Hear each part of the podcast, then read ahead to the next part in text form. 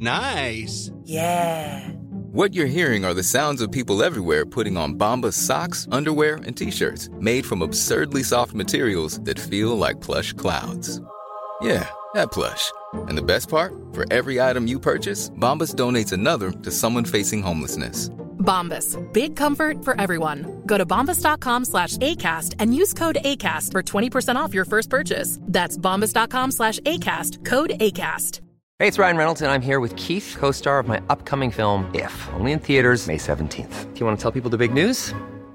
All right, I'll do it. Sign up now and you'll get unlimited for $15 a month in six months of Paramount Plus Essential Plan on us. Mintmobile.com slash switch. Upfront payment of $45 equivalent to $15 per month. Unlimited over 40 gigabytes per month. Face lower speeds. Videos at 480p. Active Mint customers by 531.24 get six months of Paramount Plus Essential Plan. Auto renews after six months. Offer ends May 31st, 2024. Separate Paramount Plus registration required. Terms and conditions apply if rated PG.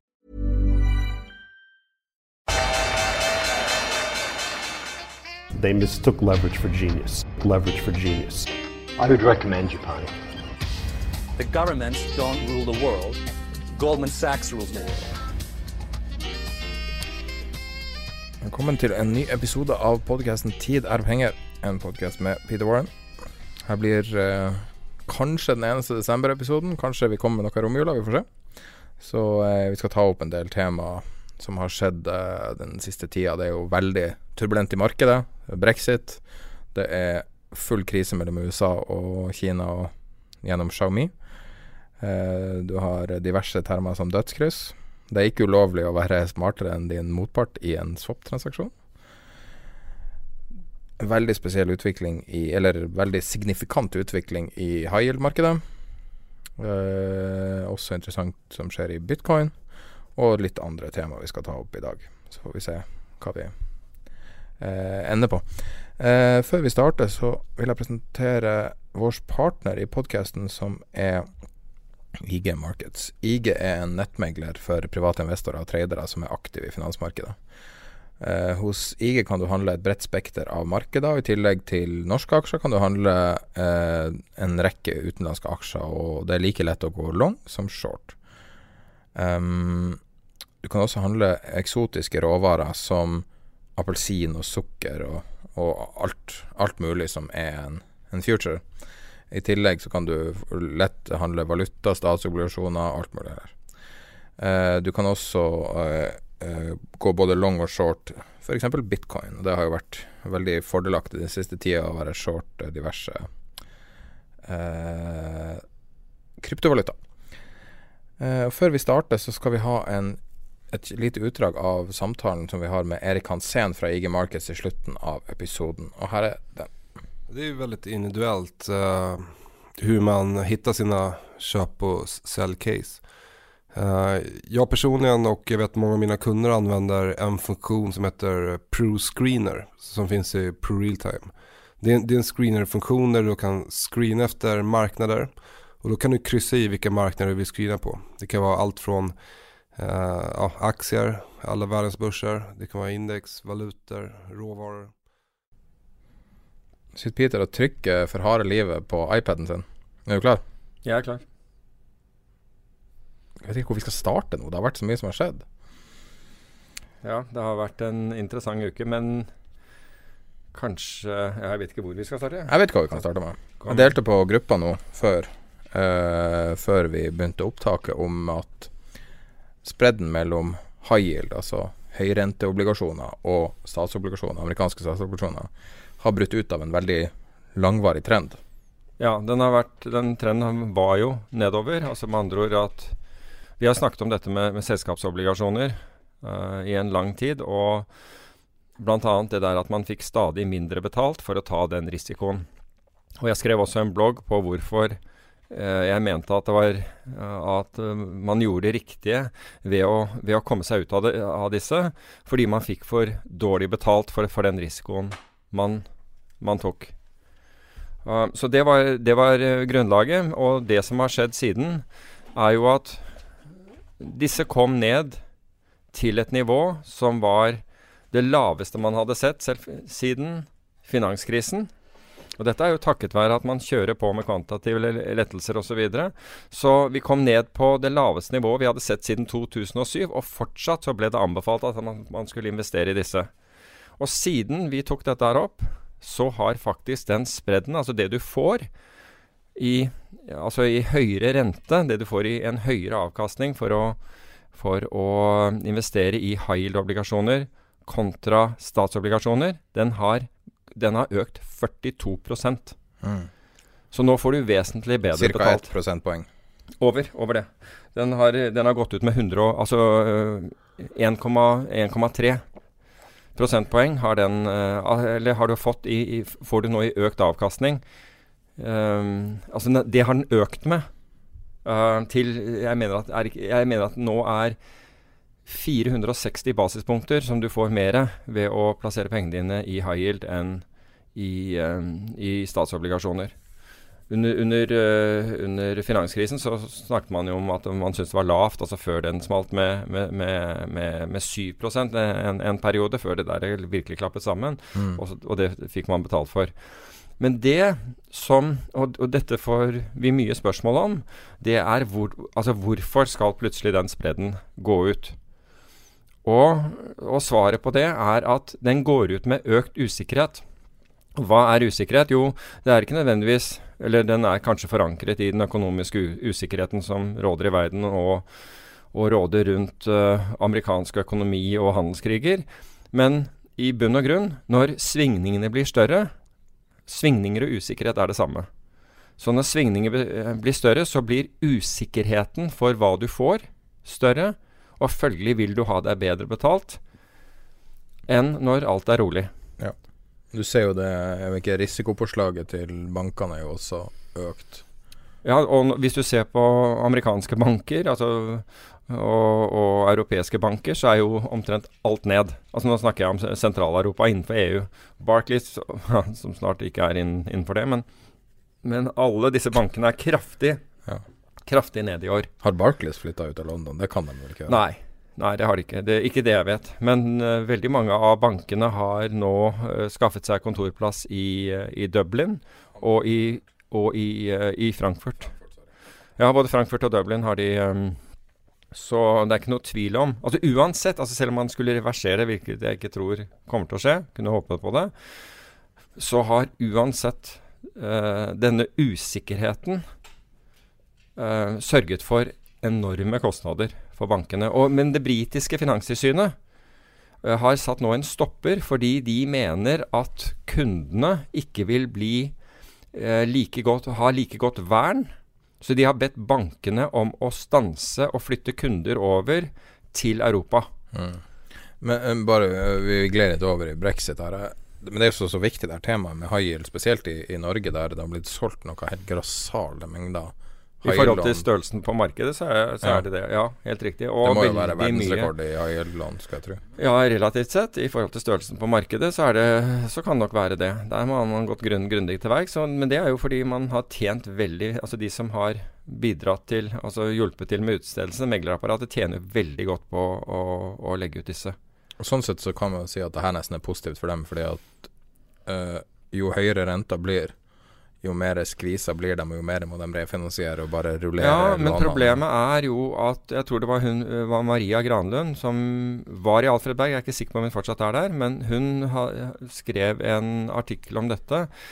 Uh, hvor hun påpekte at uh, det norske high yield-markedet hadde ikke blåst ut. Altså spreddene hadde ikke gått ut. altså spreddene ned, Når spreddene går ut, så går så går kursen på disse obligasjonene ned, bare så det er klart. Um, hadde ikke slått så mye ut i det norske markedet. Men, sier hun, det kan også ha med den lave likviditeten. Og det nærmere du kommer årsskiftet, altså jul og årsskiftet, det, det mindre eh, likviditet fins i et slikt marked.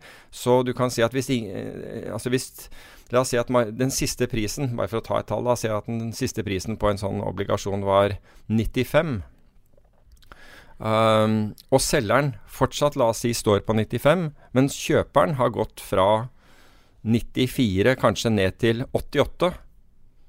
Så blir den stående og se ut som den er 95 helt til noen selger på 88. Så det lenger unna kjøperen er, det mindre sjanse at du får en omsetning.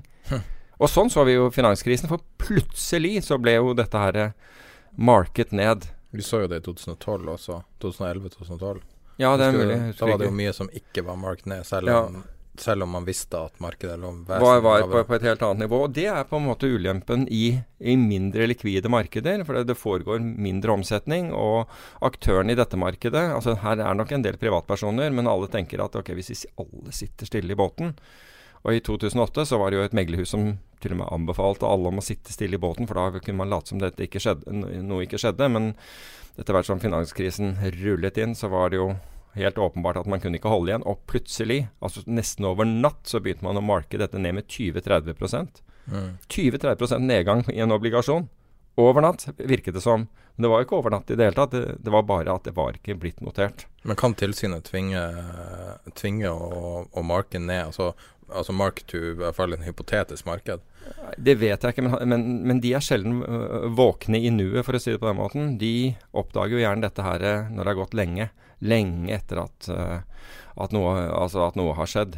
Man kunne jo fulgt en europeisk modell, f.eks. Altså at man, Ja, man er ikke, lager det, modellering av Man kunne, men det er jo ikke For det første så må det jo være samme sektor, ikke sant?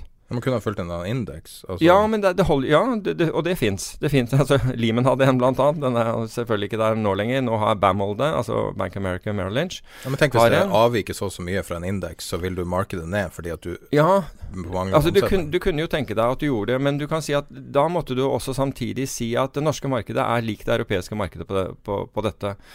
Og så vil man si at nei, men det er det jo ikke. Det er jo ikke det i det hele tatt. Og dessuten så er Norge er, er som det amerikanske markedet, det er preget av um, oljeservice. Veldig stor grad oljerelatert i, i high yield-markedet. High, yield um, selskaper. Og så må du si, ja, så kunne man argumentere fra norsk side ja, men de, de aller fleste der holder på i Mexicogolfen, så det er jo ikke så relevant for eh, for uh, våre aktører som holder på i Nordsjøen. Så, så du kunne argumentere mye frem og tilbake der.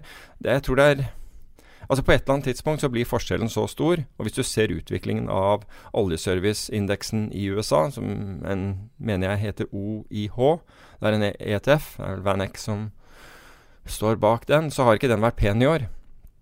Og, og man snakker jo også om at det virkelig faller i high yield innenfor den sektoren i USA. Og så har du da et mindre likvid Norge, eh, marked i Norge, så kan du si hvor lenge kan, den, kan man være uberørt av det? Og jeg tror den enkleste måten å se det på, det er jo at nye Altså det, det slutter med nye selskaper som kommer til markedet, for investorene er ikke villige til å ta det på de nivåene. ikke sant? Investorene vil ha en høyere spredd, altså vil ha mer betalt. Og så sier selskapet ja, men vi er ikke interessert i å betale så mye, og så blir det ikke noe deal. Og så tørker på en måte førstehåndsmarkedet ut, og det er jo et dårlig tegn, for å si det på den måten. Så da får du håpe at du sitter på obligasjoner som har kort tid igjen til forfall. fordi hvis du har en obligasjon med la oss si syv år til forfall eller fem år til forfall, så, så, så lever du et usikkert liv i forhold til kursutvikling, i hvert fall. Ja. Um, Lang forklaring, det der.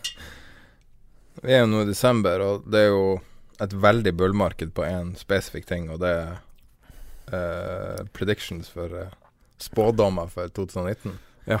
Og jeg så at han eh, Barry Ritholtz, han er jo ganske en eh, dyktig kommentator, som har skrevet en sånn Bloomberg-innlegg om det, og skriver at uh, Why do they bother? Fordi at de har så utrolig dårlig track record, de her spåmannene. Ja. På samme tid i fjor, eksempel, så var jo bitcoin på topp. Og folk Ja. spådde bitcoin til én million dollar.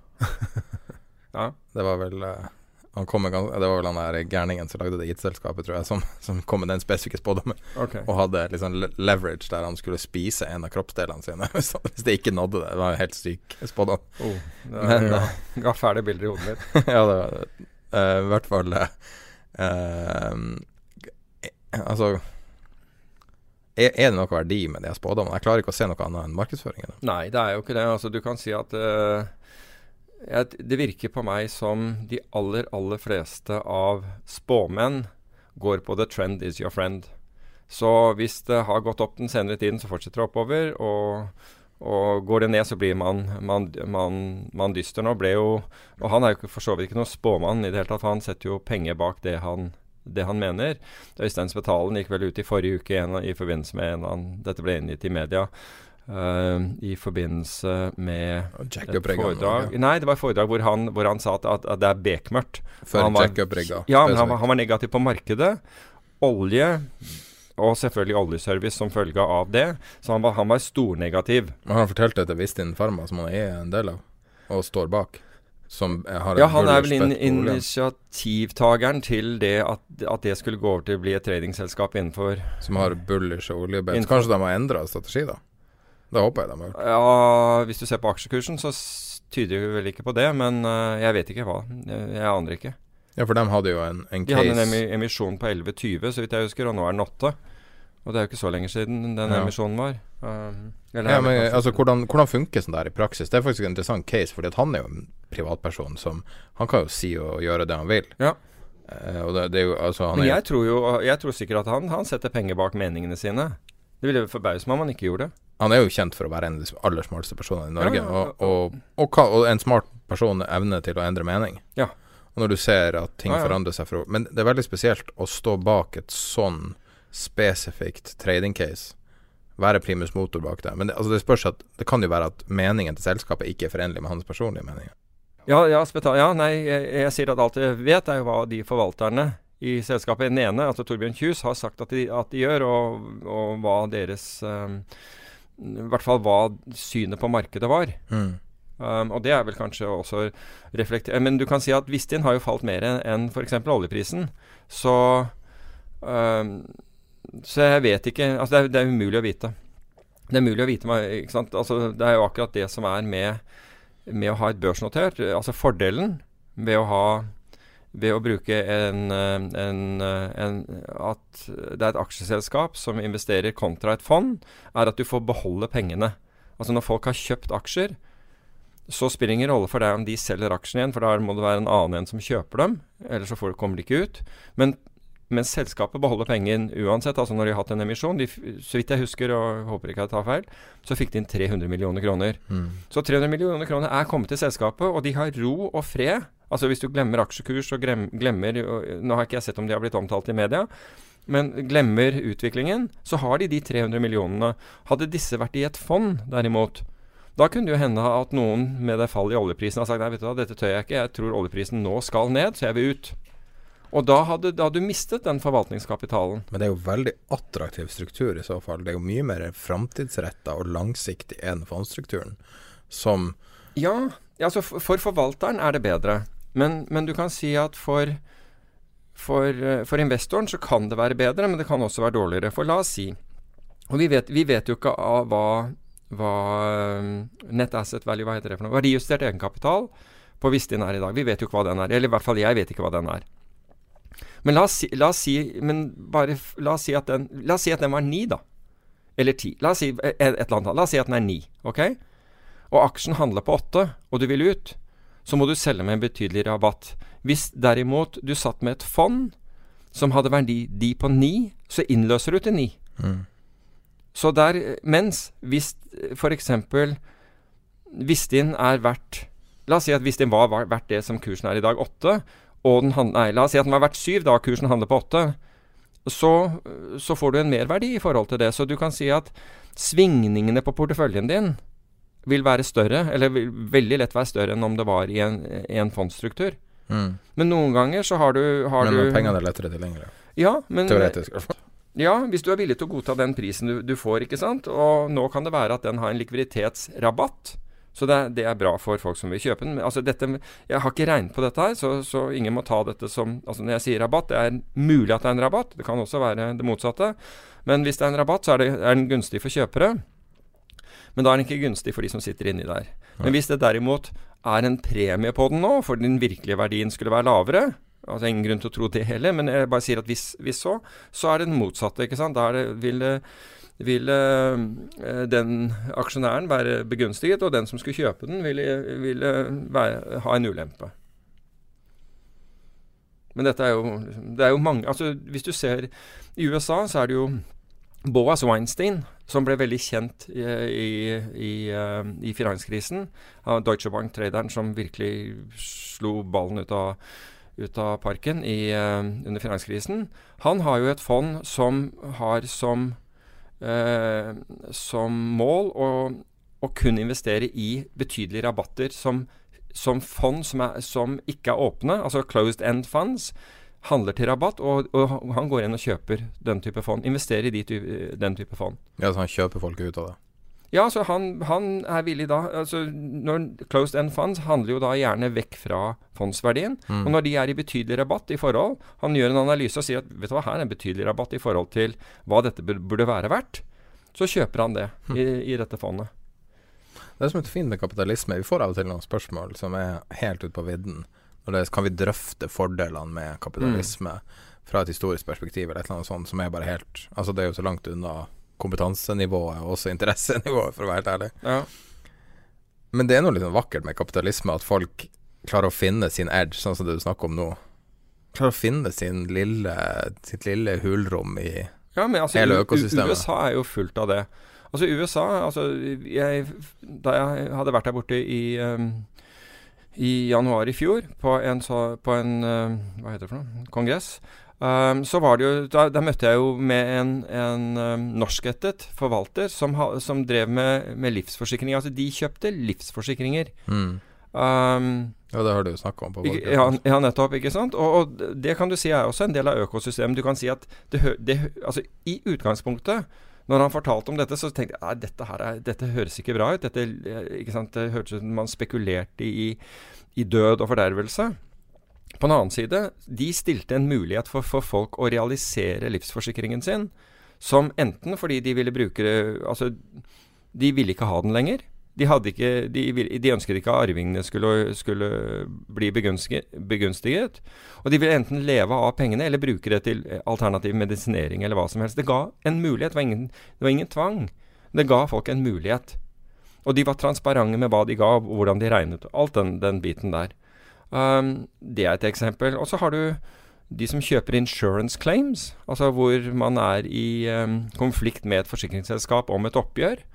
Så mm, de hedgefondene som gjør det, har advokater.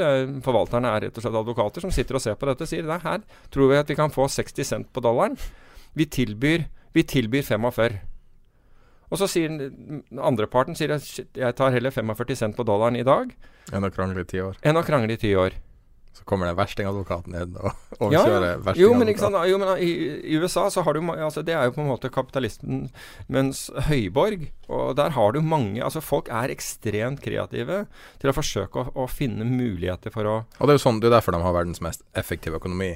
Skyggesida av det her, det at det er så effektivt og alt det I, i går så jeg en dokumentar, jeg delte den på gruppa. Mm Uh, så jeg tror ikke du har sett den. Nei, jeg har ikke det. Jeg, jeg uh, klikket den opp i dag, men jeg så at den varte i over en time. Jeg, ja, jeg, jeg klarte ikke å, se den i helhet fordi at okay. den var så depressiv. Mm.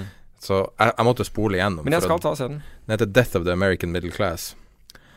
Og det er en PBS-dokumentar som følger to familier. Um, de filma dem på 80-tallet, uh, 90-tallet og så nå. Samme folkene. Mm. Så du får se liksom hvordan basic ting påvirker dem. Og det er så tragisk å se på. Du ser bare du ser bare alt du har på en måte lest i statistikk og alt mulig. Du ser det forvitre. Du ser det i øynene deres. Du ser det så personlig. Og sånn som jeg kan se det, så, så er det når, når fagforeningen mista sin rolle i USA, altså i, spesielt i, i bilproduksjon, så var det starten på slutten for mellomklassen.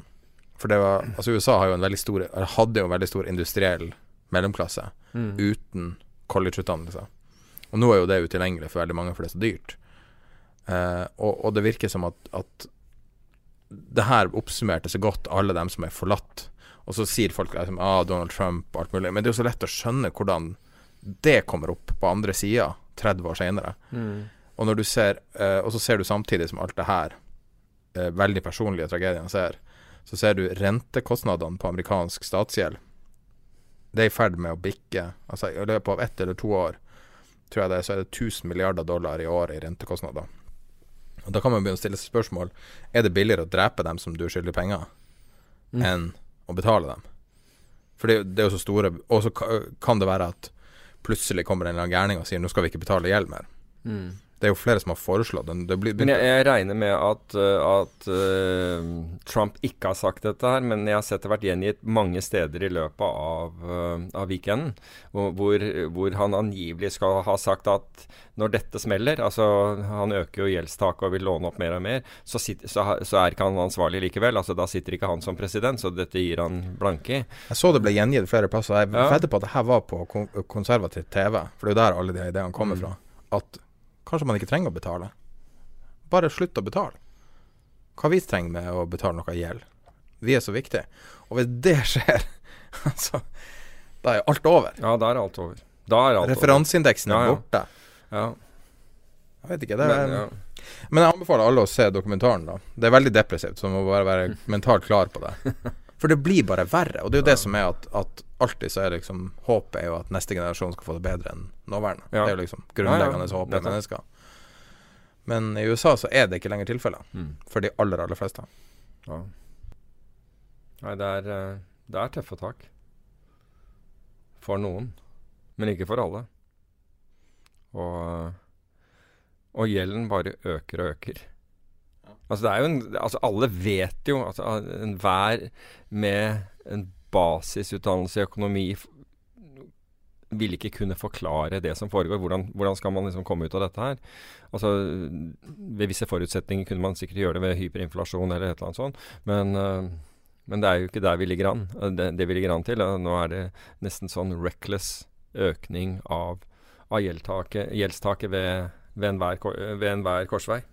Men du mente at, at Trump hadde sagt, hadde snakka om det her, at, at er død når det her skjer uansett? Nei, ikke det, nei han, var ikke, han ville ikke være in office. Altså, når, når dette, altså, og han gir faen? Ja, altså jeg, altså jeg forsøkte å, å, ettergå det, men jeg klarte ikke å, komme til den, den opprinnelige kilden. Altså hvor en han eh, sier jeg intervjuet presidenten osv. Men, men det ble gjengitt så mange steder uh, i løpet av, av helgen. Men jeg, jeg, kan ikke for mitt liv tenke meg at han at, han ville si noe sånn, men det er mange ting han har sagt jeg ikke kunne tenke meg at noen kunne si. Så, så, det, så, det, er klart. Så jeg vet ikke. Men det, føl, altså, det føles jo ikke Altså I Norge føles det i hvert fall ikke sånn. Men uh, Syns du ikke det? At det ikke ligger under overflata? At du ikke tenker nei. litt på det hver dag? Liksom. Nei, altså, jeg, jeg syns, altså, det ligger jo under altså, Belåningsgraden ligger jo under overflaten. Og her, også her hjemme. Fordi folk har lånt til, uh, til, investeringer. Og de har lånt veldig kraftig til investeringer. Og vi var så vidt inne om dette sist gang, og da var vi inne om at en 10% markedsfall betyr ikke Altså fordi for, for, veldig mange som sitter der ute, så er det ikke det at, at de, de er 10% ned på porteføljeverdien sin de kan være 40-50-60% ned fordi de har så høy grad av belåning. Fordi man har tillatt så høy grad av belåning. Så vi er på en måte midt i krisa? Men ja, du ser altså, det ikke i avisene ja, fordi ja, prosenten fordi, er så liten? Ja, fordi alle, alle snakker om hvor, hvor, mye har Altså børsen i Oslo, i hvert fall inntil jeg er vel opp var litt Jeg så at den var ned litt over 2% før vi startet sendingen, men, men poenget var poenget, Og da er den fortsatt opp litt over 1% på året, mener jeg. Nå, nå, tar jeg dette top of my head, og jeg kan ta feil. Um, så, mens hvis du ser til andre land, så er, er jo Uh, har jo børsene falt tosifret, noen over 20% så det er en del som er i, i, i, nedgangsmarkeder. Så vi har på en måte en helt annen opplevelse her, og gjerne i USA også, enn det de veldig mange land har i øyeblikket. Fordi der er Altså, det fins noen få land som har oppgang. En av de mer interessante, og jeg syns litt sånn kuriositet, det var at Abu Dhabi Der er børsen opp 8,2 Mens eh, tre kvarter og en sandkasse imellom, Dubai, er ned 26% Go figure. Altså 26 Og det altså, hvem er den største investoren i Dubai? Jo, det er Abu Dhabi. Go figure den. Altså, hvis jeg, hvis jeg ble tvunget til å forklare den, så ville jeg forklare den på, med leverage. Altså det er vesentlig høyere grad av leverage i Dubai enn det er i Abu Dhabi. Hva var opp altså, siste uke? Altså det som var ned, altså De amerikanske indeksene var i snitt ned 5% Altså Hvis du så SMP og Dow Jones og Russell 2000 som var ned mer enn 5 ikke sant? Så de, de fikk en bra nedtur. Og så har du amerikanske obligasjoner, ikke sant? statsobligasjoner. De er opp. 30-åringer var opp 2,5% Og Volatility, eh, volatil, ikke futuren, men volatility ETF-en, VXX, som vi har snakket om flere ganger. Hver lang volatilitet og hver lang eh, eh, statsobligasjoner. VXX var opp 17% i forrige uke. Nå husker jeg ikke. Er ikke VX, VXX Det er eh, volatility av volatility, er det ikke det? Jo, det er, det er, jo, det er multi... Ja. Ehm, så, men, men det var en som skrev på, på, på, på Facebook-gruppen og Jeg kjente ikke det produktet. Jeg forsto at det var en ETF som vedkommende hadde, hadde handlet der, men mente at den ville være voldsomt ned hvis man satt på den i en uke, og at, at man kunne ikke sitte på noe av dette her. Nei, det, altså, eller jeg vet ikke hvilket produkt han, han satt i, og jeg, jeg kjenner ikke dette produktet, men da da Ford-kurven på Altså, hva, hva heter vi? eh, Terminkur, term, terminstrukturen. Ford-kurven på volatilitet, altså med andre ord VIX-en, Ford-kurven på volatilitet, var i contango, nemlig at, at uh, VIX for, la oss si, ta desember, var mye lavere enn januar, futuren, februar, futuren osv. gikk oppover. Da, da koster det deg å sitte på ø, long volatilitet. Da betaler du hele tiden, fordi når den forfaller, så må du rulle opp til den neste som er enda høyere, må du rulle opp til den neste som er høyere, osv. Hvis du da sitter i en ETF, så er det helt riktig, da har du en time decay. altså da, Det er som å sitte med en opsjon som har tidsverdiforfall. Så, så hver, en, er lang, hver eneste dag så går det litt av den. Men den kurven, altså etter hvert som volatiliteten har økt, så har Ford-kurven også ikke minst med alt det, det som har skjedd i det siste med handelskrig, avblåst, ikke avblåst, og så ble alle, hva var det for noe, Meng Wanzhud her eh, på, på, på fredag, hvor eh, man, altså til tross for at nå er, nå er, det, nå er det perfekte forhold mellom Kina og USA, det har aldri vært bedre, og det neste som skjer er at man begjærer um, finansdirektøren i, um, i, uh, i Huawei, arrestert i Canada. Og, for, og den som tar ut dette, det er jo en av disse district courtene i, i, uh, i New York som tar det ut. Men de ville ikke si hvor, Til å begynne med så ville de ikke si hvorfor hun var arrestert. Og nå etter hvert så, så spurte pressen om dette gjaldt Iran.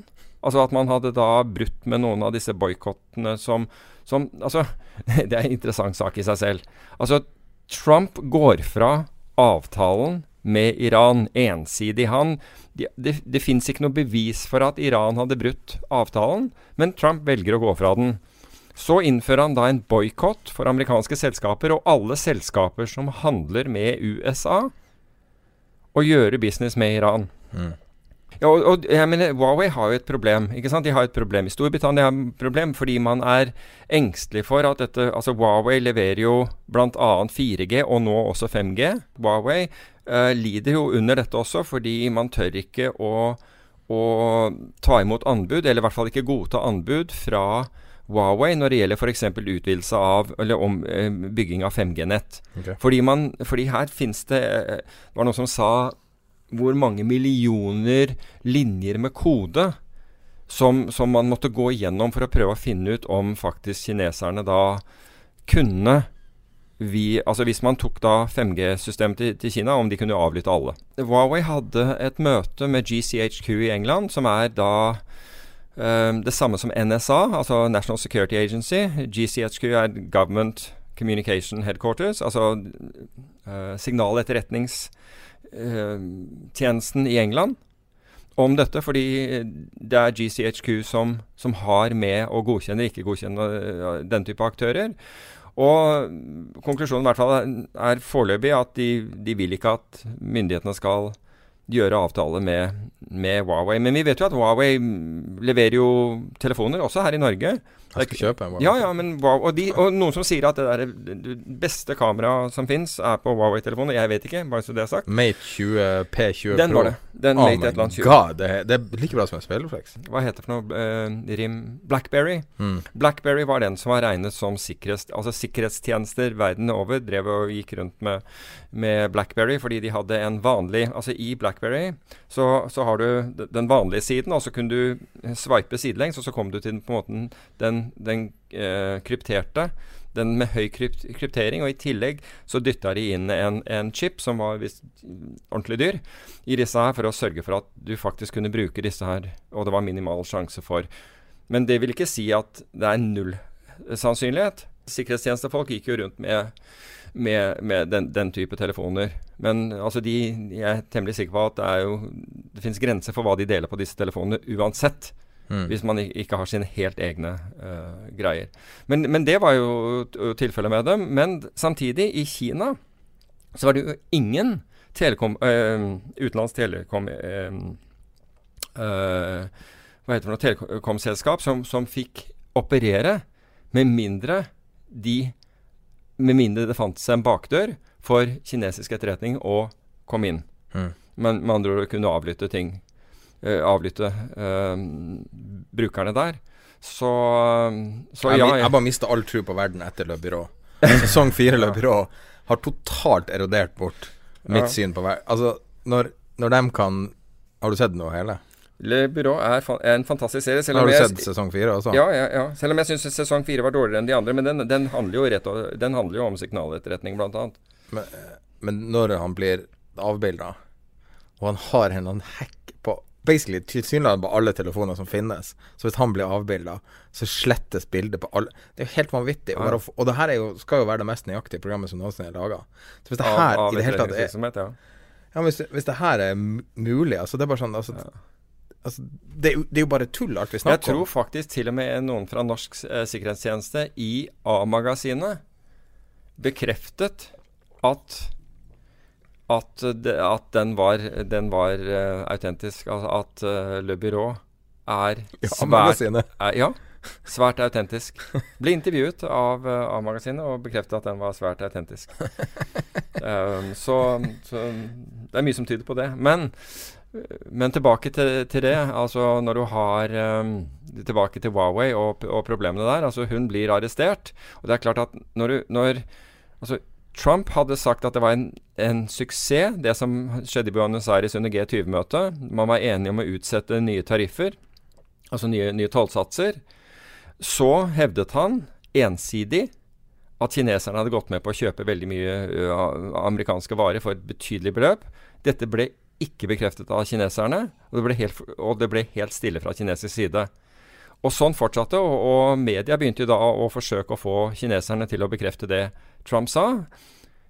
Og før de da klarer å få denne bekreftelsen, så får vi da nyheten om at finansdirektøren da i Huawei, som for øvrig er datteren til, uh, til grunnleggeren av, av, Huawei, er blitt arrestert i Canada på vegne av amerikanske myndigheter uh, på uspesifiserte charges.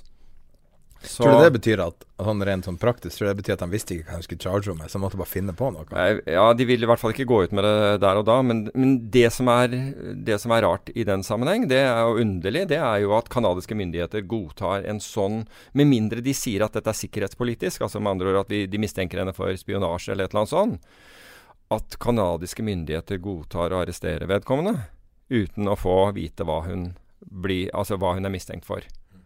Så, øh, og det bare får meg til å tenke hvor mange ganger har vi ikke blitt spurt om altså hva er det som holder deg oppe om natta, hva er det du bekymrer deg mest for, er det, er det gjeld, er det renter, er det handelskrig, er det dette? Og hver gang så har vi sagt at re, altså, ofte kommer det ting som ingen har tenkt på.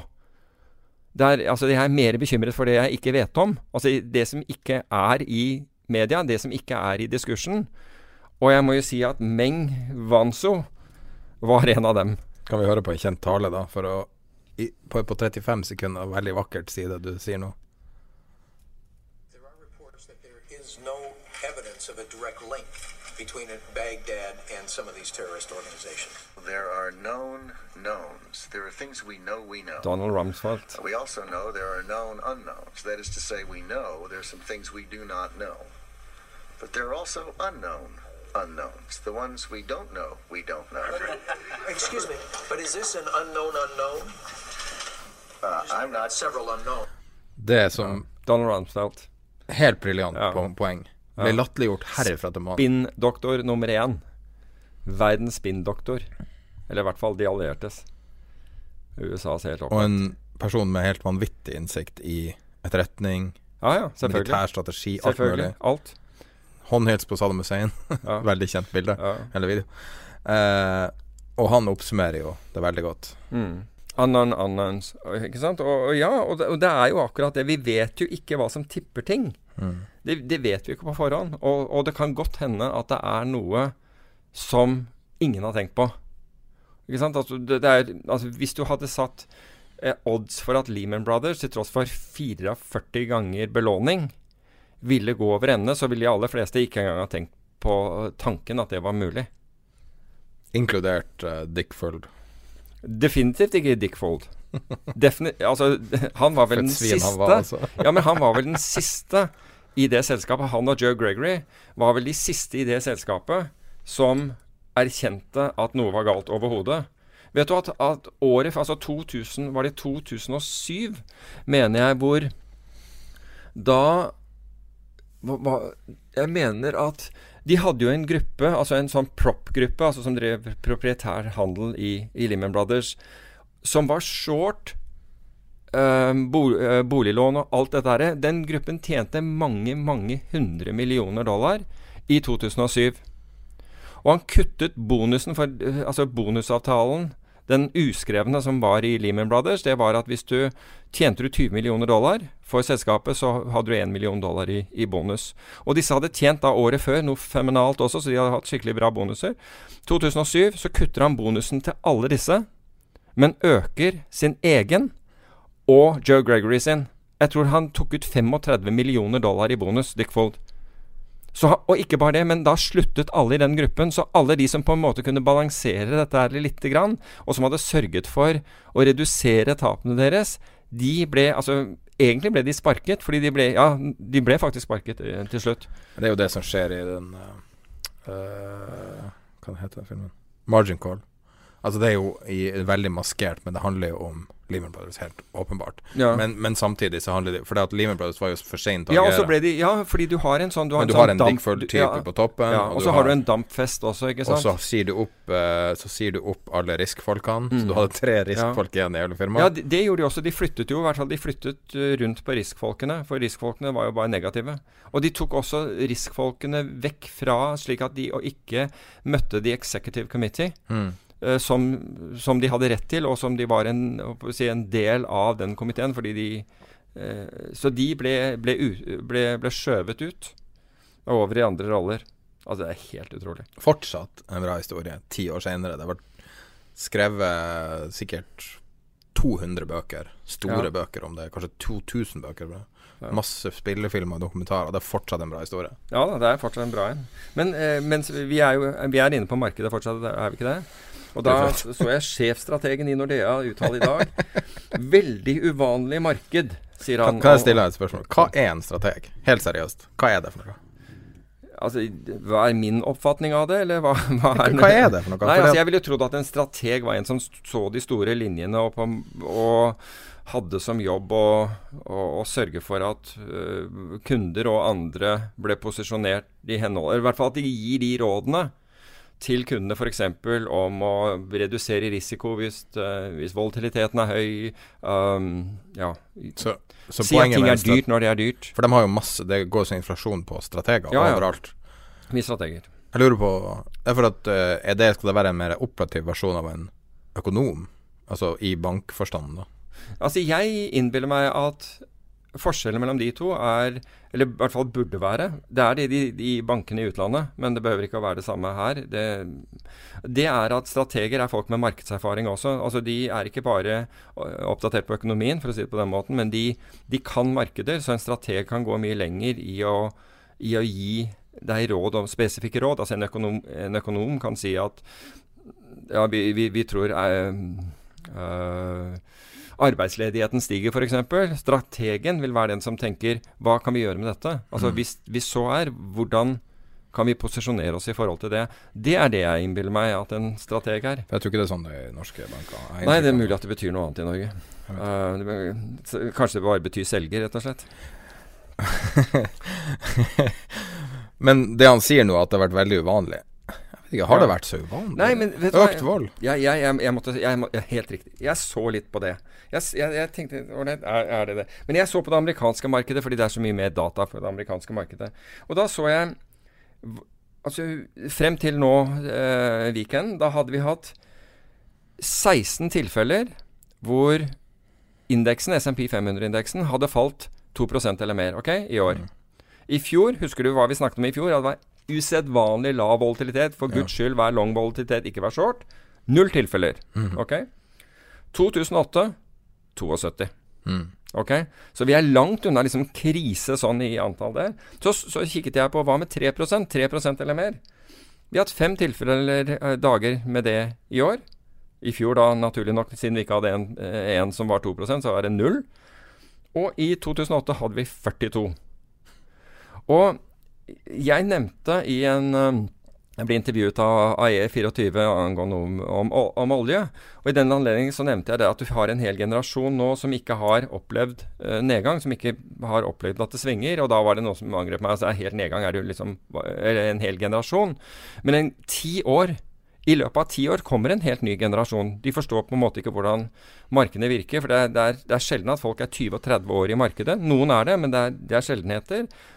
Og nå har du hatt ti år med kvantitative lettelser siden finanskrisen. Med andre ord sentralt manipulerte markeder. Mm.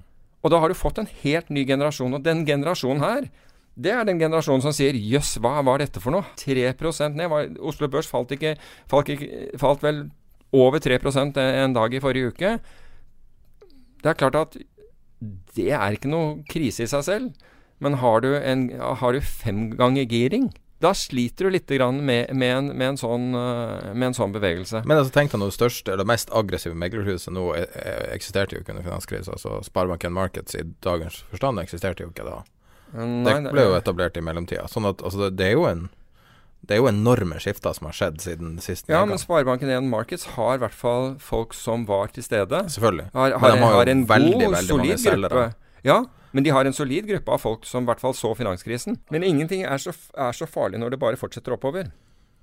Altså forutsatt at det fortsetter oppover. ikke sant? Altså, det blir jo først farlig når det virkelig går ned. Ja.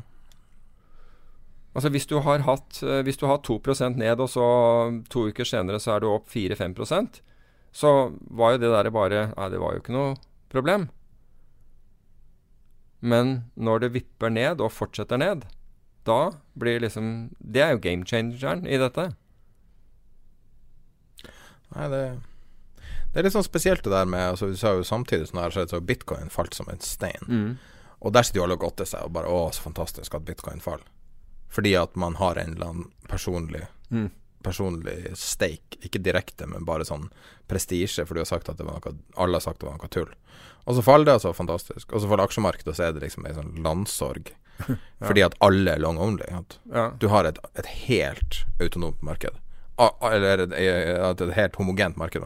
Mm. Og uh, alle gjør det samme. Alle aksjefond eller alle generelt long aksjer. Short wall. Ja. Så det, er, det er ikke nødvendigvis noe negativt at aksjemarkedet faller. Altså, det må jo ikke være en negativ ting.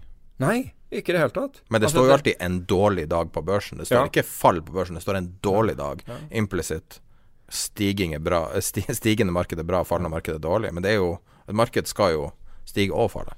Ja, altså det er egentlig et veldig godt poeng. Fordi hvis du tar hvis du tar det Du kunne ta det motsatte utgangspunktet. F.eks. at du ikke var investert på aksjer. Det er hver eneste dag hvor børsen faller, er en fordel for deg. Fordi hvis du, for de sparepengene du har, så får du flere aksjer. Det må jo være positivt. Det er en positiv sak. Altså hvis du, hvis du hadde én million, bare for å ta et tall, til rådighet for å kjøpe aksjer, så får du atskillig flere aksjer nå enn det du gjorde for noen måneder siden. Og det er jo positivt. Det er jo positivt på en måte. Så det er jo øyet som, som ser. Men problemet er at spesielt her så, man, så, ønsker man å seile så tett opp til vinden som mulig. Da skal man enten være overvekt aksjer hele tiden, eller så skal man kjøpe seg mer og mer aksjer eh, det, det høyere det stiger. Eller så sier man at 'jeg tror markedet skal falle', men ikke enda. Så du ønsker liksom å time den derre lunta på millisekundet. Du løper ikke før, før, det er mindre enn et sekund igjen til flammen når, eh, når fengheten. Og det er liksom Norge eh, litt sånn berømt for. Du, du, du tar den helt ut. Men greia er at du tar den helt ut med kundene dines penger. Det er jo ikke dine penger. ikke sant? Altså, Husker du hva du foreslo med high yield-fond? Når? Eh, et halvt år siden ca. Nei, hva var det? Bare hvis man Altså, hvis man virkelig er en forvalter som ønsker kundene det beste, så legger man ned fondet. Ja, men vet du hva, det kom jo faktisk det, det, det, Apropos Nordea, her skal Nordea få, få ros. Fordi Nordeas forvalter av et av de største high yield-fondene, i hvert fall eh, et av Europas største, han sa at det var faktisk det, det rådet han hadde. Han mente at det, det, blir Altså, dette er så bra som det kan bli. Det er første gang inn i min finansielle historie hvor jeg har sett noen si at vet du hva, her burde du ta ut pengene. Ære være han for det. Fantastisk. Altså, han kålet det der i markedet. Det Men han er jo også en risktaker. Altså, Ja, det er jo det forskjell hva en person som bærer risk, Ja. og en som ikke gjør det, sier. Det blir, han sa det, altså det, det blir Det er sjansene for at det blir bedre enn det dette var her. som det? Eh, han var ikke norsk. Jeg tror han var uh, Du tok det som en selvfølge, skjønner jeg. Uh, jeg mener at han var svensk. Men jeg kan ta feil. Han Altså, Nordea har jo en av de største fondene i verden, de? De har jo et jo, sånn det, var- helt jo, det, var- det, var, det var, var i hvert fall stort. Men det, det interessante med apropos det med, med high yield og selskapsobligasjoner, er at amerikanske sentralbanken, Federal Reserve, kom ut i forrige uke med, et, med sin første advarsel mot størrelsen på the corporate debt, altså gjelden Oh, i, i, uh, i, uh, i selskapene, eh, som en del av Financial Stability Report. Og dette er deres første Financial Stability Report, og da påpeker de dette som en av de store farene. Så det, det kan være greit å sette seg opp i stolen og Altså gjeld, gjeld, gjeld, gjeld, gjeld. Det er Ja. ingenting annet som betyr noe. Nei. Iallfall ikke mine øyne. Altså, det er jo bare altså, Det er unsustainable. Hele verden er i luksusverden, liksom. Men det er jo ingen andre luks... Det er jo ingen andre altså, Skal dra til Jupiter, liksom? Så jeg vet ikke hva skal jeg gjøre. Skulle du der, da? hvordan er ja, hvordan, hvordan, Du tenker hvordan feirer jula der, da? Ja, nei, tviler på det. Hva du syns du om at Tesla er den eneste aksjen som er oppe, mer eller mindre, Nei, vet på hva? jorda? Te- nei, Tesla er den en, i hvert fall den eneste eh, bilaksjen som er opp. Jeg så i hvert fall ja, Nei, det er er- Jo, jo, men altså, du, det må man bare Man må bare ta det inn over seg. Husker du når jeg sa i sommer, eller når Ja. det var nede, spurte jeg skal du realisere Ja. de greiene? Sa nei da. Nei da. Ja, men det var fordi det var en lang, langsiktig posisjon. Jeg er helt enig, jeg og- syns fortsatt det går riktig og, avgjørelse. Men det er jo helt utrolig at Tesla liksom Ja. bare piker nå. Ja, ja. Og etter at han selv sier at de var nær konkurs. Altså når han gikk ut og sa, og det, det er jo informasjon som aldri burde vært eh, tilbakeholdt, for det, det, er jo informasjon som Ja, ja, du har et krav til å fortelle. Og så går aksjen opp på det. Mm. Nei, ja. Nei jeg, Men det er jo, det er jo så man, artig man må kan være ydmyk for den. Men for du har den, altså. konstruert traden sånn at du kan sitte og le av det, og Ja. det tror jeg ikke Sissener klarer å gjøre, eller hvem andre som er short. Ja, jeg vet ikke om han fortsatt er short, men Jeg tror ikke eh, han Men uh, Han er bare i avisa hele tida. Alle var jo short Ja. Tesla, men veldig mange var jo uh, på en måte eksponert. Naken, kan man skal si. Ja, men hjelpe meg. Altså hvis, hvis uh, Altså, Tesla var, synes for meg for å være en opplagt short, bare, bare så det er sagt. Og, og, og den historien kommer jeg ikke til å, å, å endre på. Men, men tenk deg hvis du hadde en ve veldig sånn snever portefølje. Den besto av å være short eh, Tesla og, og long SMP. Hadde ikke vært en hyggelig eh, utgang på det, altså. Jesus. Det mange altså. Ja, så hvis det var shorten din, så håper jeg at du er litt mer diversifisert enn en det. Men jeg har Altså- sett Det er et Ja, altså jeg, Men du snakker om generasjoner. Mm. Hvis du går inn på min favorittside å referere til, som er Wall Street Bets på, på Reddit Det er de verste gamblerne du har sett i ditt liv. Aldri der de sitter og skryter av å tapt 90 av pengene sine. og 100 Hvis du klarer å tape 100% så er det liksom Da er du inne. Da, da er du du tøffest i jeg, skjønner ikke logikken der, men når du ser de folkene der nå Ja, er de frustrerte? Det er, folk Nei, som har gått langt. Hvis altså, du har gått long, jeg skal ikke vitse med det her, long. Tesla, så er du lei deg fordi du ikke tapte, eller? Nei, der er de faktisk Der er de long Tesla. Ja, det, er- ja, det må jo være til stor frustrasjon hvis det målet er å gå i null. Men der var det en som skulle lage en sånn illustrasjon av hvordan det var. Og da hadde de hadde en sånn logo for det her, da. Og da satt han i vinduet, jeg skal vise deg. Da sitter han i vinduet og holder en pistol til hodet og en, uh, en sånn løkke rundt halsen. Ja, ja. Og sitter og sjekker mobilen for å Ja. Så, sjekke så det er liksom rekker han å skyte Og- seg før han treffer Altså før han treffer fortauet? Og går da var det noen som skrev at, at selv i den situasjonen, når du er suicidal, så må du leverage. når du, De er gærningene som leverage. Og det, men altså, det her er jo en veldig, det er, jo- det er jo veldig seriøst tema. Fordi at eh, altså, når folk får problemer, så er jo det her faktisk en reell Ja. utfall. Men, men, men folk sier jo det der at jeg skjønner ikke at liksom, markedene faller, det er jo ikke noe negativt. Men når du ser sektor på sektor, europeisk banksektor, amerikansk banksektor, husbyggere, bilfabrikker liksom Alt bare har dundret til nedsiden. Plenty av markeder. Amerik eh, det europeiske børsene. Det, Hellas er vel bortimot ned 20% Du har mm, Tyskland er betydelig ned. altså Det er liksom det er rødt overalt ellers hvor du ser. Og så sier folk her hjemme ser, Det jo, finnes jo ikke noe negativt. Jeg skjønner ikke hvorfor børsen er ned i dag. Jeg har en venninne som, Really? som jeg gikk på skole med, som bor eh, langs eh, Seinen i, i Paris. Mm. Og helt desperat. Hun vet ikke hva hun skal gjøre. Hun kan ikke gå utfor døra engang. Hun er akkurat på en grensa der hun blir liksom ramma av tåregassen. så, så det er jo helt Det er jo helt tredje Hun sier at det er helt ute av kontroll. Ja. At det er verre enn det ser ut som i avisa. Og Ja. Men altså, franskmennene har det med å Når de protesterer, så tar de den helt ut, altså.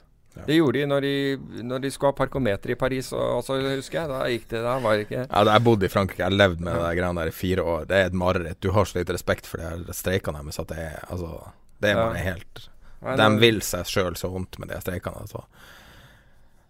Men rand, det bruker å være sånn random med togstreiker. Sånn, plutselig rekker du ikke toget. Altså, det kommer bare ikke tog, for står, så står det bare grav på, på de greiene, og da betyr streik.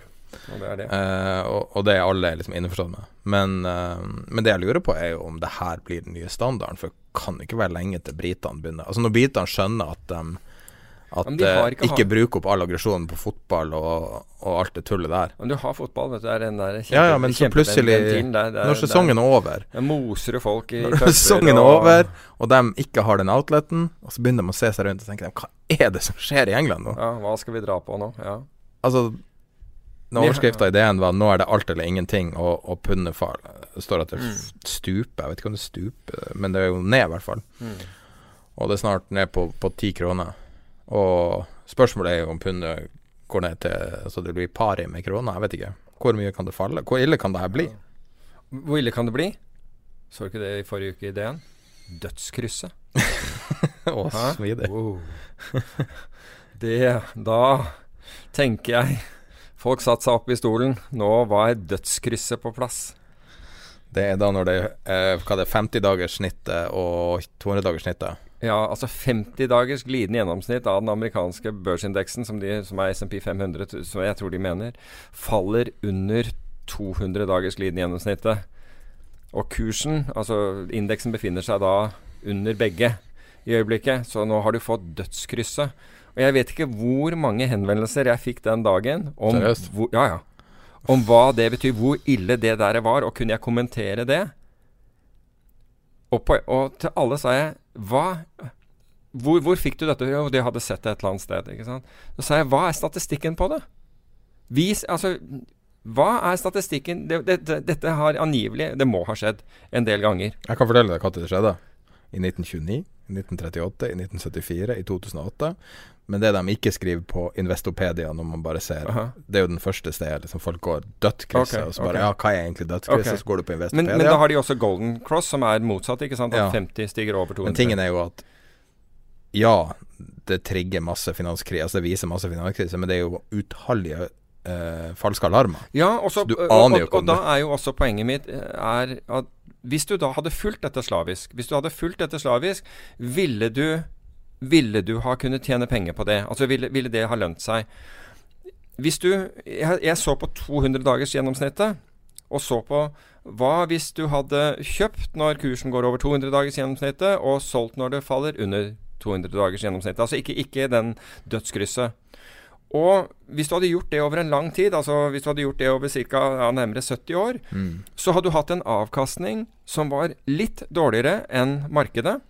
Ok, så altså forskjellen var 0,2 uh, årlig avkastning lavere, ok, enn markedet. Så i utgangspunktet så, så det ut som det ikke var verdt å gjøre. Men, men, og her kommer det viktige, og det, dette er det som 99% av norske investorer ikke bryr seg om. Den risikojusterte avkastningen var bedre hvis du, hadde, hvis du fulgte den, det rådet, fordi du unngikk de virkelig fæle tapene som var. Så standardavviket ditt, altså svingningene på porteføljen din, var lavere enn om du hadde sittet gjennom hele. Mm. Og da kan du si at ok, det var, det var likevel lavere avkastning. Jo, men hadde du brukt det og sagt at jeg tåler de svingningene som er på børsen, så jeg girer porteføljen min slik at jeg får likt standardavvik på den strategien som jeg gjør på børsen, så tjente du mye mer. Mm. Um, men, men poenget mitt var at folk er så ufattelig late. Når du, når du får dette dødskrysset. Det går kaldt gjennom Du kjenner kulda liksom ned gjennom, gjennom, ryggraden og ser for deg hermetikken, og du begynner å lete frem hagla og, og, og, og turutstyret ditt, for nå er det rett i Nordmarka. For dette går jo ikke bra. Så er det ingen som faktisk stopper opp og sier Ja, men har, har dette her noe merit? Er Hva sier det noe i dette? Siste, de to siste dødskryssene ja. var i 2014-2015. Okay. Så du gikk glipp av oppturen fra 2000 til 3000 poeng ja, for eksempel. på, SMP. ja, men ikke sant, ja, ikke sant? Så, så, hva betyr dette? Ikke sant? Altså, hvis, du ikke, hvis ingen gidder Altså I dag hvor vi har tilgang til store datamengder, og datamaskinene våre er superraske i forhold til hva de var bare seks måneder tilbake, eller i hvert fall et par, par, år tilbake, så er det ingen som gidder å kjøre gjennom disse tidsseriene for å finne ut om dette her er, vits, er noe vits i eller ikke. Men kan, kan, vi, kan vi, oppsummere det på en annen måte? Hvis det står noe bra branda av en avis, og det her står med et eller annet Og det her er jo en merkevare i praksis, mm. så er det sannsynligvis ikke til å stole på. Det er laga for å skremme deg, fordi at det skremmer deg nok til å klikke. Og jeg ja, tror ikke det er noe mer komplisert enn det. Nei, kanskje. Det ser bra ut. Hindenburg hva, The. Hindenburg Omen. Ja. Ja, altså, ja. Det har jo ikke noe merit, men det er jo fantastisk merkevare. Ja, Du ser for deg hele Hindenburg som går ned i flammer. Ja, så tenk deg blod i gaten. Sånn her ordlyd. Ja, ja. Når, altså, når noe stuper Den metalliske lukten av, av blod og tenker 'dette er fælt'. Ja, også når, også når Du så jo det um, under finanskrisa, når, når, når avisene skulle skrive om nedturene. Når det faktisk var brutalt. Åtte mm. dagers nedtur på Oslo Børs så hadde de bokstavelig talt bilde av Oslo Børs med blod på bildet. Wow. Fordi at han visste ikke hva han skulle si. hva, hva, sier du når, når, det er ti ganger verre enn kollaps? Hva du kaller det? Det kaller du en Alistair MacLean-novelle. Jeg vet ikke. Det er. Alistair MacLean han skrev, jo, han skrev jo noveller, og der var det jo alltid det De ville jo begynne med at det var den verste stormen i manns minne. Ikke sant? Og så, to sider senere Stormen ble dobbelt så ille. Ikke sant? Og tre, ikke sant? Du var jo helt utslitt før du hadde kommet ut av uh, Før du hadde lest kapittel én, så var du jo dyvåt av svette. Men det her er jo vel sikkert litt av Du hadde redningsvest på, selv om du bodde langt innenlands. Men er ikke det her litt av grunnen til at du lagde bloggen opprinnelig, som er i motvekt mot de tabloide overforenklingen? Jo, altså det var jo kommunikasjonsbyrå egentlig som, som, som anbefalte det. Og den, og det var fordi én, du du ville få frem det du faktisk sa, og ikke det som en journalist ville at du skulle si. fordi det ble jo gjerne redigert voldsomt. Um, og da kunne du henvise til det.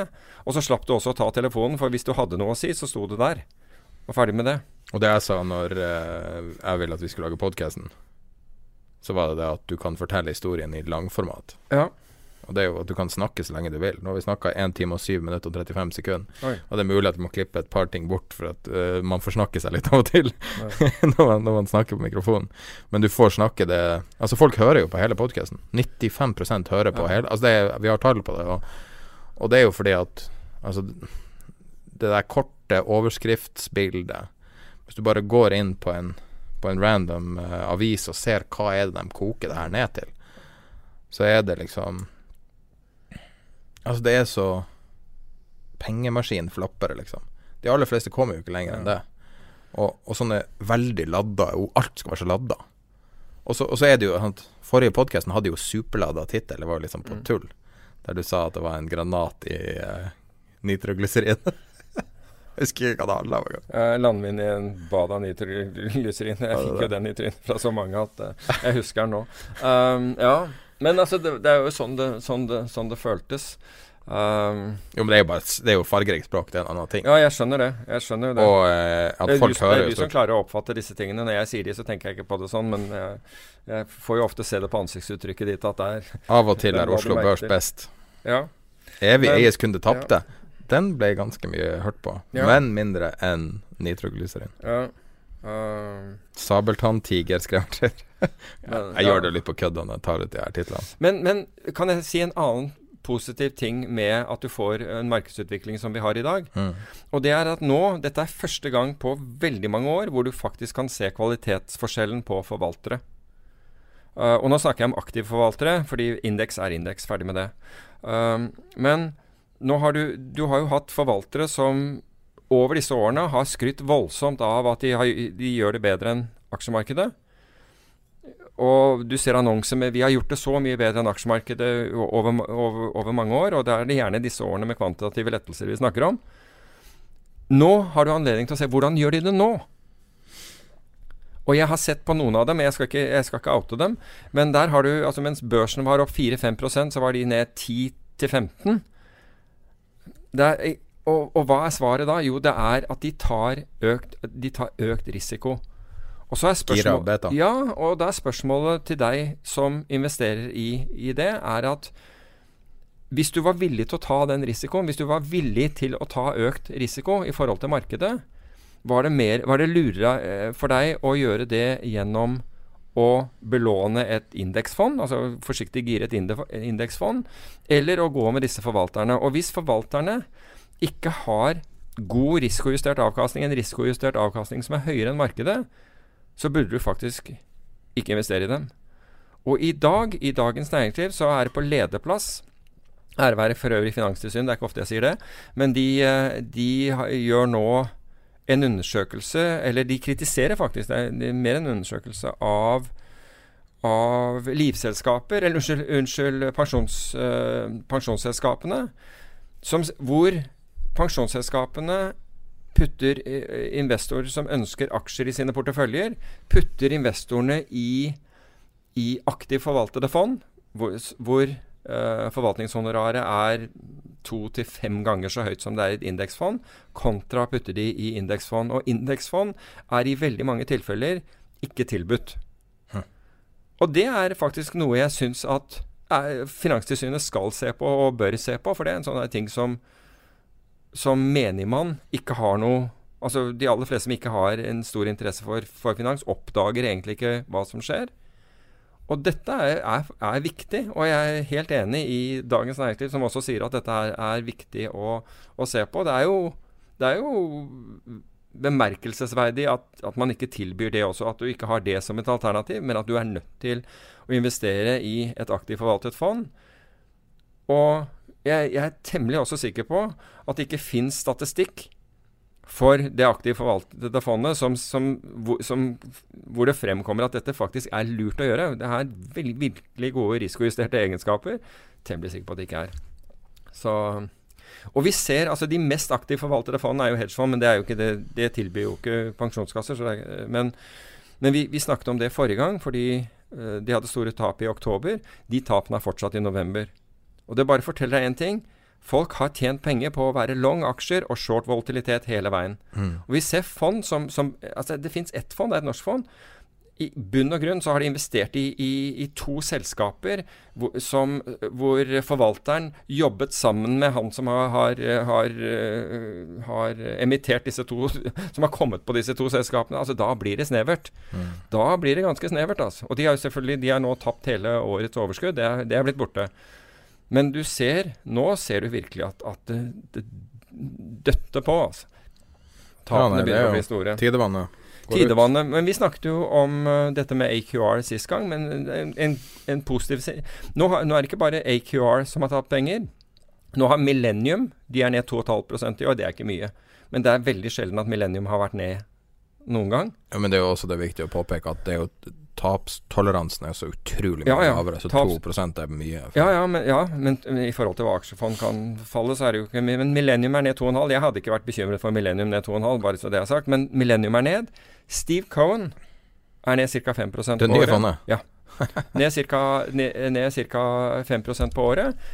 Winton, som vi har snakket om, har kommet seg til oppsiden, så de klarte å få en positiv november. Mm. Så Winton er faktisk po øh, positiv. Og Two Sigma, som er, som er definitivt i, i, kategorien som AQR og um, Renaissance og disse, er opp. Uh, høyt ensifret uh, og, tos, og lavt tosifret, avhengig av hvilket fond det er.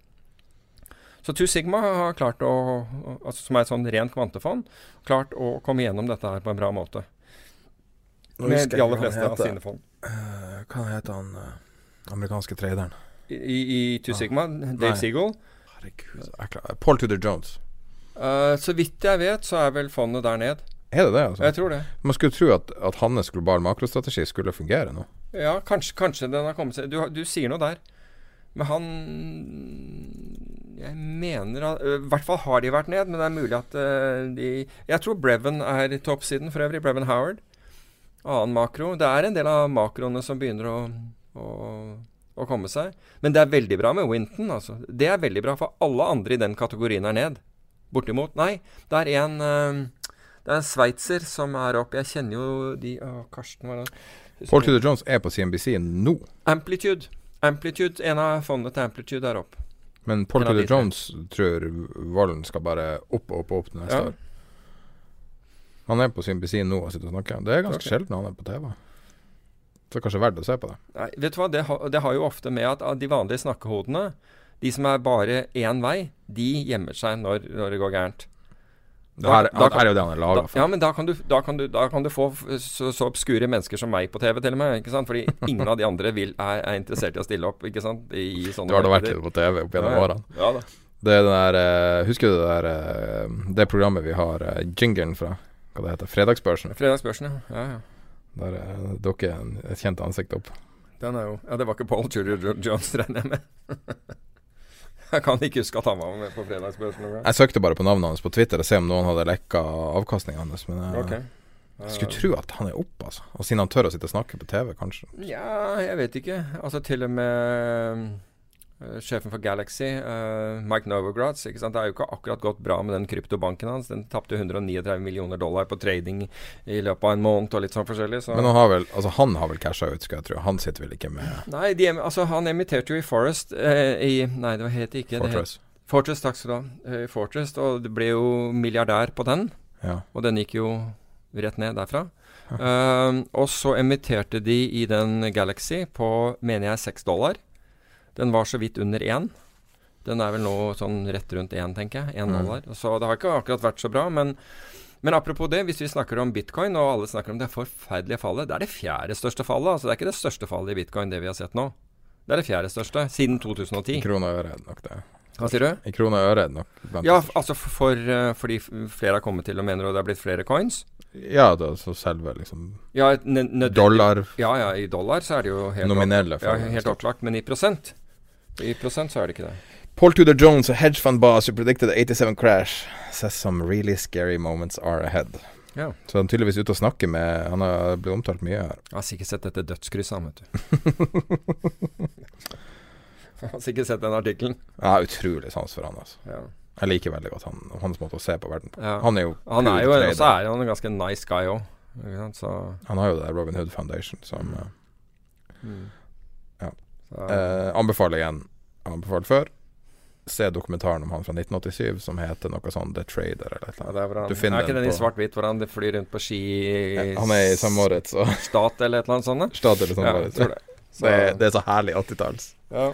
Da var du i bakkene også, var det ikke det? Det fins en artikkel om Peter som, som, jeg ikke klarer å finne tilbake. Hvis noen klarer å finne den, så gjerne. Det er et gammelt DN fra sånn fire-fem år siden. Der det er masse bilder av Peter Warren Uh, ja, jeg kan fortelle deg Det bildet du sikter til der, det er ikke fire-fem år siden. Nei, men artikkelen er der. Oh, ja. Men DN har ikke historikken. Så hvis noen har noen gamle DN liggende, så bare send det. Legg det ut på gruppa. Det er når Peter kjører slalåm. det er det jeg er på jakt Det var ganske mange artige bilder i den saken. Så um, Men apropos av uh, sånn folk fra tilbake i tid. Uh, Don Wilson, som betyr zero, antageligvis, for de aller fleste. Det var ikke han som spilte i Miami Vice, bare så det er sagt. Han het også Don, men ikke Wilson til etternavn. Men Don Wilson er en uh, high frequency trader. Altså han DRW, altså han heter jo egentlig eh, Don R. Wilson. Um, der var det en rettslig kjennelse uh, i forrige uke. Dette var en sak som har versert siden 2013. Er det ok at jeg tar den saken? For jeg, jeg syns den er interessant. Um, hvor det amerikanske finanstilsynet uh, ville frata han og selskapet muligheten til å drive for livstid. Det var ikke tammere enn det. altså. Og de skulle bøtelegge det helt voldsomt for markedsmanipulasjon. Og der uh, Og den saken gikk da til doms, jeg mener det var i, i forrige uke, hvor han ble blankt frifunnet. Så, så Får jeg lov å lese hva dommeren, eller hva som er sitatet? Ja, det er et veldig bra sitat, så go ahead. It's not illegal to be smarter than your counterparties in a swap transaction. Nettopp. Og det var rente Altså dette var jo rentederivater, eller rentefutures det var, var snakk om. Og det er W. Altså det er W er kanskje kjent for, for norske sånn kryptofans. Uh, ved at de um, et, et, datterselskap av dem, Cumberland Mining, var der man kunne låne bitcoin hvis man ønsket å gå short, før future-børsen startet. Så hvis det er noen som på en måte følger det markedet nøye så vi, Jeg har nevnt Cumberland her i, i podkasten ved en tidligere anledning. Før, som sagt, før uh, man begynte å handle futures på, på, på, bitcoin. Men hvis vi går tilbake til til dette, så det Man har et, et annet system i USA.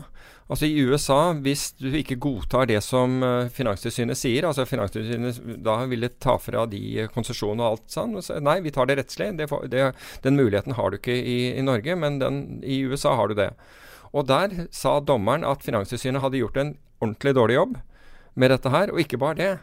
Men samtlige av de som satt i Finanstilsynets styre, de 13 rådsmedlemmene i Finanstilsynet, uh, Commodity Future Trading Commission, Uh, samtlige av de, de 13 rådsmedlemmene har, uh, har, sluttet. Så de er alle borte fra Finanstilsynet, så det er jo når de nå får denne kritikken. Men han blir da Altså, de sa at det er ikke, det er ikke nok med at du At du Du må bevise at noen At noen sørger for kunstige priser. Med andre ord, det er ikke nok med at du setter inn kjøper og selger i markedet. det, må, det må bevises at det fører til kunstige priser, nemlig altså priser som er helt vekk fra realiteten, for at man skal kunne, at man skal kunne straffes. Det amerikanske finanstilsynet ønsket en mye bredere altså De, de ønsket å, å, regulere dette her, men, men uh, det er faktisk en, en dom som er viktig. Men hvem er motparten her? Motparten var uh, eh, MF Global, blant annet. okay. ja, og Jeffreys var motpart. Og, men det var mange Altså, markedet var jo Da skjønner jeg jo hvorfor de vinner også. Fordi at altså, MF Global og dem, ja. altså, det her er jo det her er jo the smartest guys in the room, hele ja, gjengen. Ja. Men, men, men, saken er at man Igjen så handler det jo om hva børsene tillater. Og jeg mener jo at, du, at, at man må Altså Det er børsene som skal sørge for at det, for fairly, fair and orderly marketplace. Og når reglene gjør det mulig for high frequency traders å opp operere som de gjør, altså med ordre som ingen andre ser, og at de kunne hoppe i køen Og det verste stedet for manipulasjon er valutamarkedet, for der, der fins det ikke Der fins det jo ikke et eh, Altså der, der, kan jo de holde på Det er jo vill vest, rett og slett. Hvis du er på en børs, og du ligger først i køen på børsen, ja. og noen selger, så får du handle. Det skjer ikke i i, nødvendigvis i valutamarkedet. Du kan ligge først i køen, men de kan handle på, på, en annen. De kan bare nekte å handle med deg fordi du, tjener, du vanligvis tjener penger når, når, når, de handler mot deg, og da kan banker nekte å handle med deg fordi du tjener penger. DRW. De har 900 ansatte. Og Her skulle liksom Finanstilsynet bare inn og, og, og ta konsesjon så 900 mennesker ville vært uten jobb. Og, og skulle bøtelegge de liksom titalls millioner dollar. Og så 20 millioner dollar i traden. Ja. Og så, ja, trade den ned. Det er ikke én. Det er mange. Tusen trade, ja.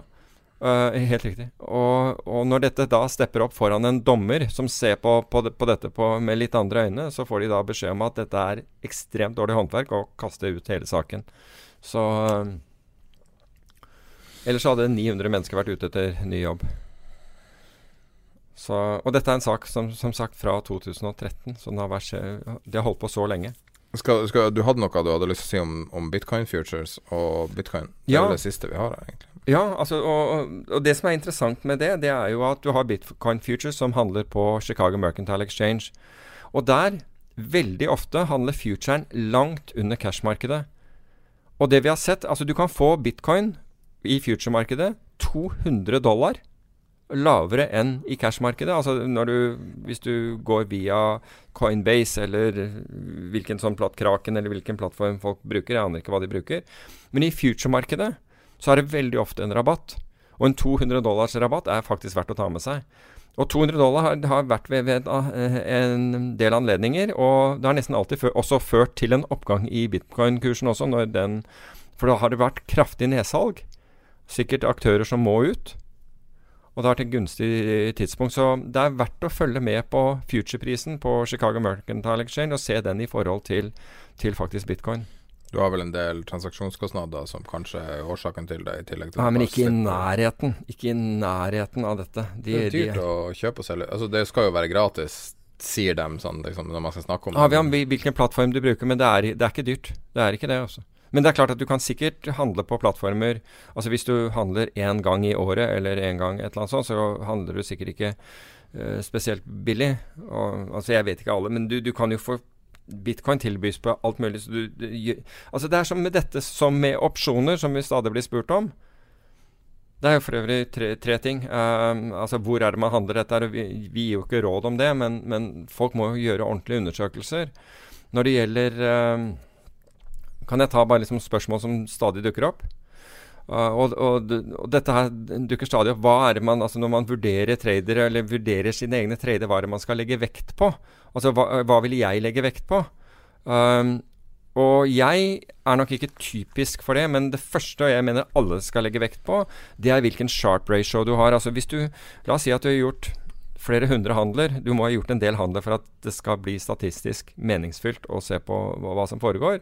Så først er det å se på hvor mye svinger det? Hvor mye svinger porteføljen din? Så hvis du, hvis du, starter med en portefølje, se hvor mye den svinger. Hvor mye svinger denne porteføljen i forhold til hva er avkastningen min? Og det du etterstreber, er jo å ha en sharp ratio som helst er over 1, og enda bedre hvis, du, hvis den er uh, mye over det. Men sharp ratio er da å ta avkastningen minus den risikofrie rente og dele på standardavviket, hvor mye dette svinger. Hvis du skal gjøre det, altså hvis du ikke har tall for f.eks. den risikofrie renten, ikke bryr deg om den heller, så kan du jo også bare ta, ta um, og dele avkastningen din på standardavviket, altså hvor mye porteføljen din svinger, og se der. Men jeg har, jeg har to kriterier i, i, tillegg. Nummer én, jeg vil at, at det ikke skal korrelere med aksjemarkedet. For ellers så, ellers så, er måte er det aksjemarkedet som, sine bevegelser som styrer porteføljen min. Så jeg vil gjerne ha en korrelasjon, en ganske lav korrelasjon mot aksjemarkedet. 0,3 eller lavere eller noe sånt noe, er, er, det jeg tenker. Men det andre kan ha, ha andre tall. Også det tredje, det er i hvert fall hvis man utvikler tradingmodeller, det er at de, de, skal være robuste på den måten at de gjelder ikke f.eks. kun handler i Altså denne virker kun på Equinor. Altså, det er ikke noe galt i at du har en modell som, hvor du tar hjem sto, øh, gode beløp, øh, so, solide gevinster ved å bare trade Equinor. Må gjerne gjøre det. Men, men for at jeg skal For at liksom det skal få min puls opp, og jeg syns at dette her har verdi, så vil jeg at det skal virke på mange ting. Ikke bare f.eks. på Equinor eller norske aksjer. Det, det, skal kunne brukes på andre ting også. Og hvis de gjør det, da er jeg virkelig interessert. Da, da føler jeg virkelig at jeg, jeg er kommet et stykke. Så det er sånne ting som jeg legger vekt på. Og så er det ett spørsmål til, og det, og det dreier seg om, om, opsjoner, som stadig dukker opp. Folk, nå er det jo veldig mange som ønsker å sikre seg mot kursfall. Nå kommer de virkelig. E-, etter fallet. etter, ja, etter at vi har falt mye. Opsjons, men så påpeker de at opsjonsprisene er blitt så dyre. Ja, de er blitt veldig mye dyre, for svingningene i markedet er blitt mye høyere. Så det er ikke nødvendig at de i utgangspunktet er dyre. Fordi hvis svingningene blir enda større, altså som du refererte til nettopp med Paul Tudor Jones, at de blir enda større, så vil, de, så vil premiene på opsjoner bli enda dyrere som følge av det. Men la oss si at at du er engstelig, og, og, du tror det er like stor sjanse for at svingningene blir mindre enn de er i dag, som større, men at markedet kan fortsatt falle. Da må du sørge for å gjøre deg det vi kaller i hvert fall noe mer Vega-nøytral. Vega er volatilitet. Det er den, den, faktoren som gjør at opsjonspremiene blir dyre. Det mer svingninger, det dyrere blir de. Da må du nøytralisere den. Og da fins det for, for, forskjellige kombinasjoner som B-spreads uh, og en hel haug andre som kan brukes som nøytraliserer ikke fullt. For øvrig, en vanlig B-spread vil ikke nøytralisere den fullt, den vil bare redusere den risikoen du har mot at markedet svinger mindre. Men, det, men lær, lær, deg dette. Altså, Oslo Børs fortalte at de hadde uh, at de hadde litteratur på dette som, som, kunne lastes ned på nett. Altså Skaff deg den. Vi har nevnt bøker ved, ved, ved, ved flere anledninger. Og også, Jeg husker ikke om det er på denne gruppen her, men flere, folk har i hvert fall spurt meg om, om bøker om, om opsjoner. Lær produktet. Altså det gjelder det, Om det er opsjoner eller futures, bitcoin futures, um, high yield investment Uansett hva du handler i obligasjoner, så, så må du ta deg den tiden det trengs for å, å, å lære det, det, det, produktet. Noe annet er, er, er ren hasard. Hvis det ikke bruker forvalter? Hvis det ikke bruker forvalter. Ja, vi, vi, bare finne en forvalter. De aller fleste taper jo penger uansett.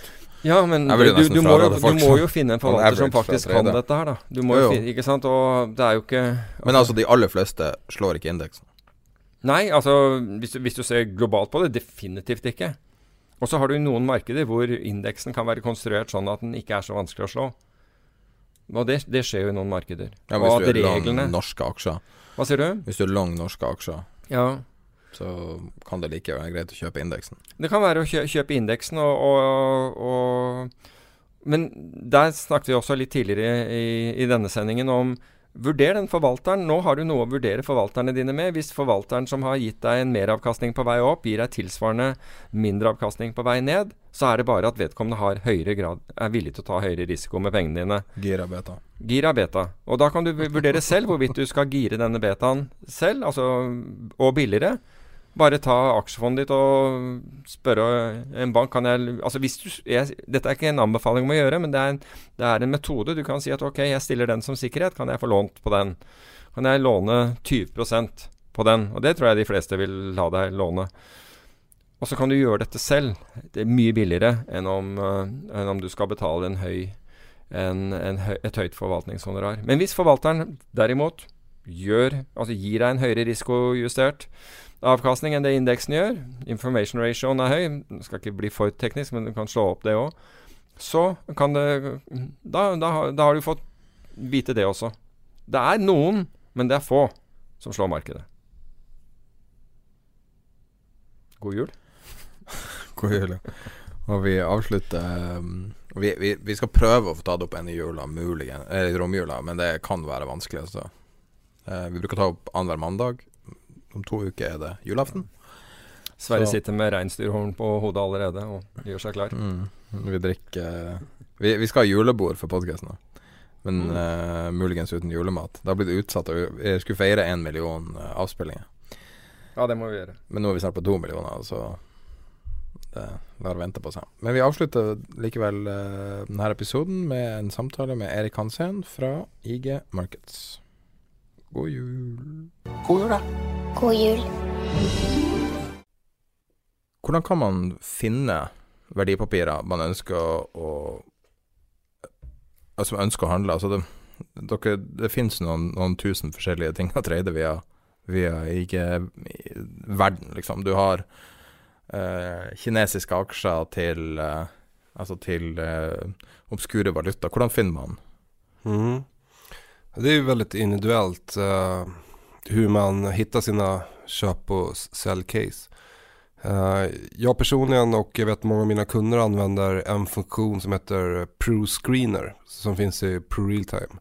Det är, det är en screener-funktion där du kan screena efter marknader och då kan du kryssa i vilka marknader du vill screena på. Det kan vara allt från uh, ja, aktier, alla världens det kan vara index, valutor, råvaror och så vidare. Då, och så kan du screena efter eh, de tekniska villkoren som du ställer upp där. Så det kan vara allt från att du försöker hitta översålda eller överköpta aktier, aktier med låg volatilitet, eh, aktier som har haft en hög volym eh, senaste tiden. Eller aktier kanske som har brutit uppåt eller brutit neråt från topp eller bottenfaser. Och det här är då en väldigt enkel och snabb screeningfunktion som finns i programmet.